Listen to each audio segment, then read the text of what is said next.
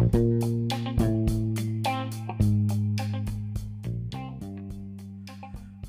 halo kawan.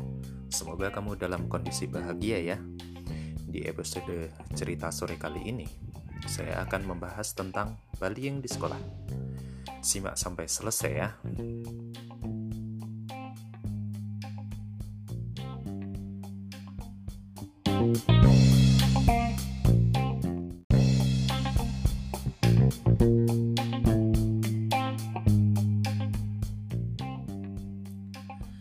Kamu-kamu yang masih sekolah pasti pernah merasakan atau melihat bullying. Kamu tahu gak? Ternyata bullying ini tidak hanya terjadi di masa sekolah saja. Saat kamu dewasa nanti, kamu juga akan menemukan beragam bullying yang terjadi di semua lingkungan. Lingkungan kantor, lingkungan rumah, lingkungan sosmed. Jadi, buat kamu yang masih sekolah dan merasa tidak kuat menghadapi bullying, Percayalah, kamu mesti bisa bertahan.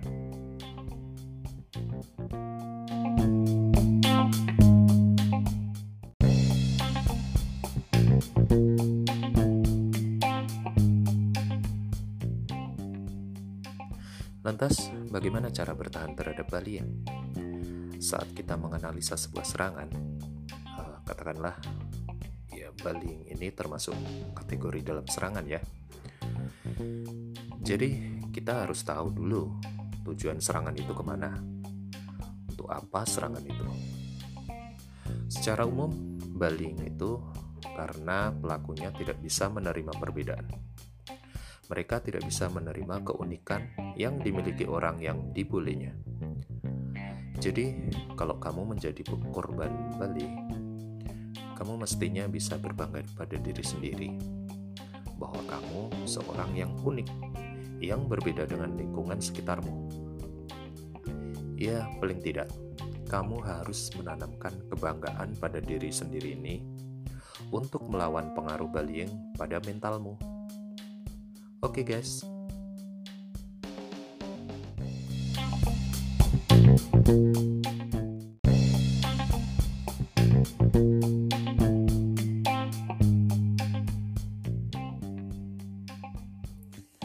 Contohnya begini, waktu zamanku sekolah SD, siapa saja yang memakai barang baru pasti akan dibully.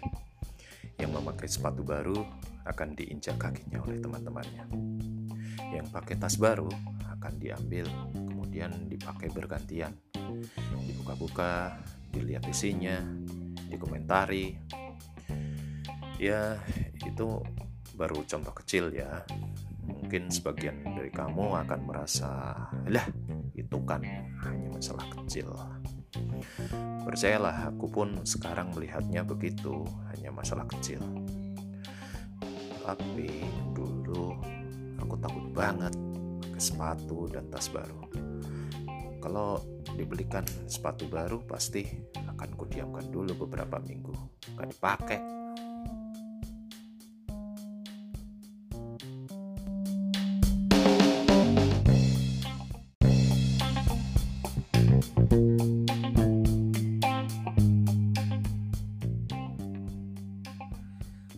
Pada posisi kita sebagai korban bully, kita mesti bisa menahannya. Itu minimal ya, bertahan. Caranya, yang terutama jangan menangis. Ini penting. Emosimu yang menunjukkan kelemahan jangan sampai terlihat. Juga jangan sampai terlihat ketakutan. Karena itu akan menambah senang pembuli. Berlatihlah membuat wajah datar tanpa ekspresi, atau perlihatkan saja wajah marah.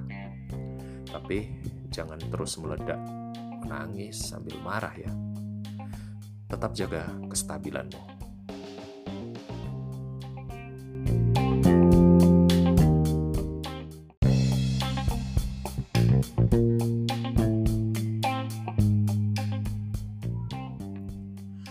Kalau kamu sering menjadi korban bully di sekolah, cobalah untuk berteman dengan orang lain yang senasib. Biasanya sekelompok orang takut akan menjadi pemberani saat berkumpul. Jika masalah sudah serius dan terjadi berulang-ulang, cobalah berbicara dengan orang tua dan guru. Cobalah cari solusi dengan mereka. Jangan sampai aktivitas sekolahmu terganggu hanya karena bullying. Carilah pertolongan dari orang-orang dewasa ya guys. Oh ya, bagaimana kalau posisimu adalah pelaku bullying? Jelas kamu harus segera menghentikan perilakumu ini.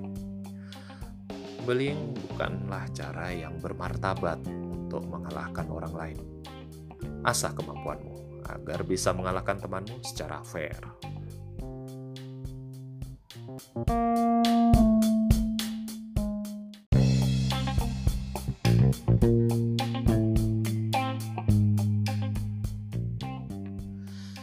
Baiklah, kurasa itu dulu ya pembahasan bullying di sekolah ya. Semoga hidupmu selalu bahagia dan sukses terus ya. Salam. thank you